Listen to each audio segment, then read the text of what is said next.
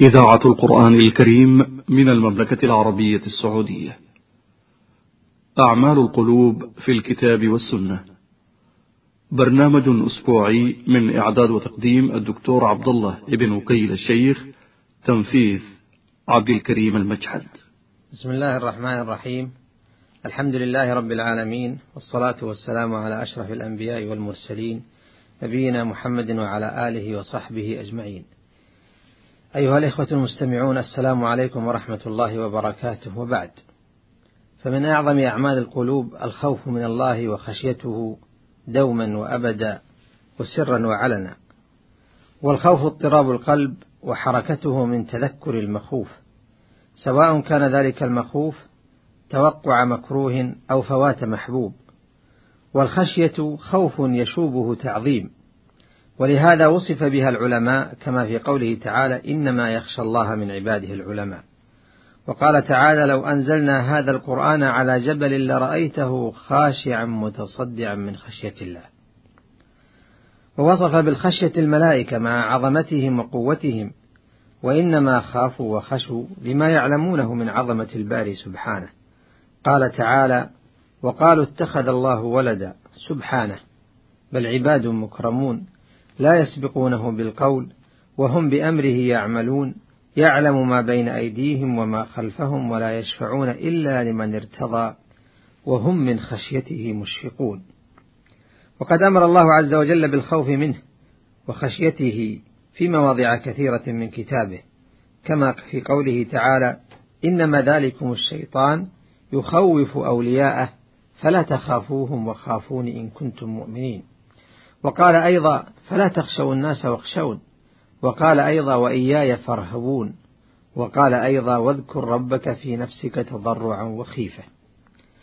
وقد أثنى الله على الخائفين منه سبحانه وتعالى فقال في بيوت أذن الله أن ترفع ويذكر فيها اسمه يسبح له فيها بالغدو والآصال رجال رجال لا تلهيهم تجارة ولا بيع عن ذكر الله وإقام الصلاة وإيتاء الزكاة يخافون يوما تتقلب فيه القلوب والأبصار. وقال أيضا والذين يؤتون ما آتوا وقلوبهم وجلة أنهم إلى ربهم راجعون. وقال سبحانه ومن يطع الله ورسوله ويخشى الله ويتقه فأولئك هم الفائزون.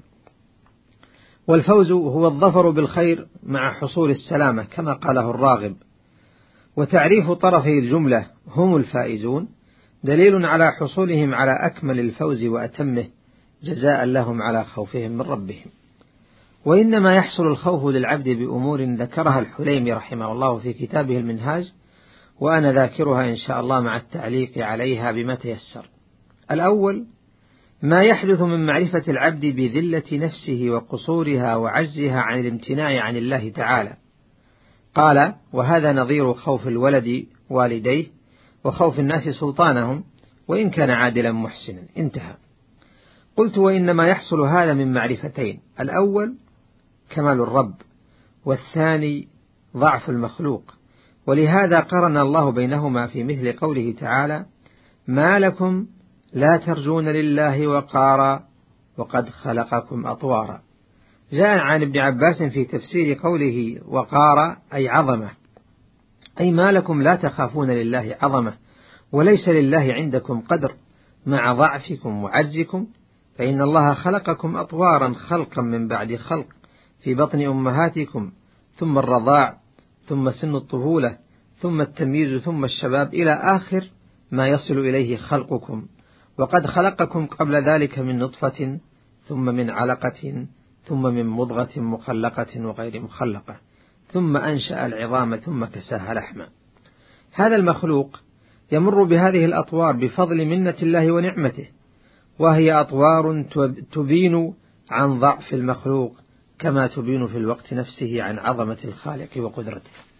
ثم أتبع ذلك سبحانه ببيان كمال قدرته على ما هو أعظم فقال ألم تروا كيف خلق الله سبع سماوات طباقا وجعل القمر فيهن نورا وجعل الشمس سراجا؟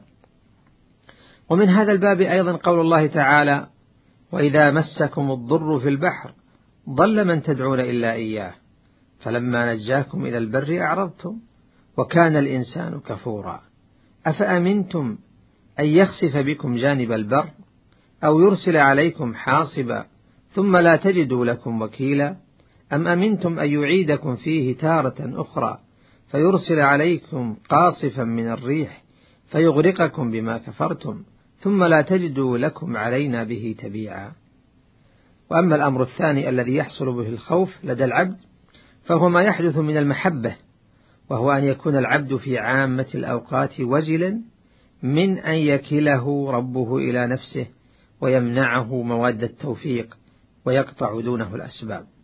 انتهى كلامه. قلت المسلم لا شك أنه فرح بما هداه الله للإسلام ووفقه للاستقامة وهو وجل خائف من أن يسلب ذلك فلا يزال يلتجئ إلى ربه أن يحفظ عليه دينه وأن يبارك له في تقواه. ومن هنا كان هذا الإشفاق والدعاء بالحفظ لنعمة الإسلام من صفات الكمل الراسخين في العلم كما ذكر الله ذلك في أول سورة آل عمران حين قال هو الذي أنزل عليك الكتاب منه آيات محكمات هن أم الكتاب وأخر متشابهات فأما الذين في قلوبهم زيغ فيتبعون ما تشابه منه ابتغاء الفتنة وابتغاء تأويله وما يعلم تأويله إلا الله. والراسخون في العلم يقولون آمنا به كل من عند ربنا وما يذكر إلا أولو الألباب ربنا لا تزغ قلوبنا بعد إذ هديتنا. وهب لنا من لدنك رحمة إنك أنت الوهاب.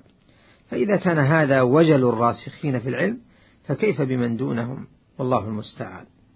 والأمر الثالث الذي يحصل به الخوف لدى العبد كثرة النظر في الوعيد الذي جاء به الدليل الشرعي كما في قوله تعالى يا أيها الذين آمنوا قوا أنفسكم وأهليكم نارا وقودها الناس والحجارة. عليها ملائكة غلاظ شداد لا يعصون الله ما أمرهم ويفعلون ما يؤمرون وللحديث صلة وإلى ذلك الموعد أستودعكم الله والسلام عليكم ورحمة الله وبركاته.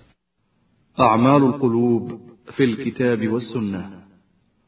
برنامج أسبوعي من إعداد وتقديم الدكتور عبد الله ابن وكيل الشيخ تنفيذ عبد الكريم المجحد.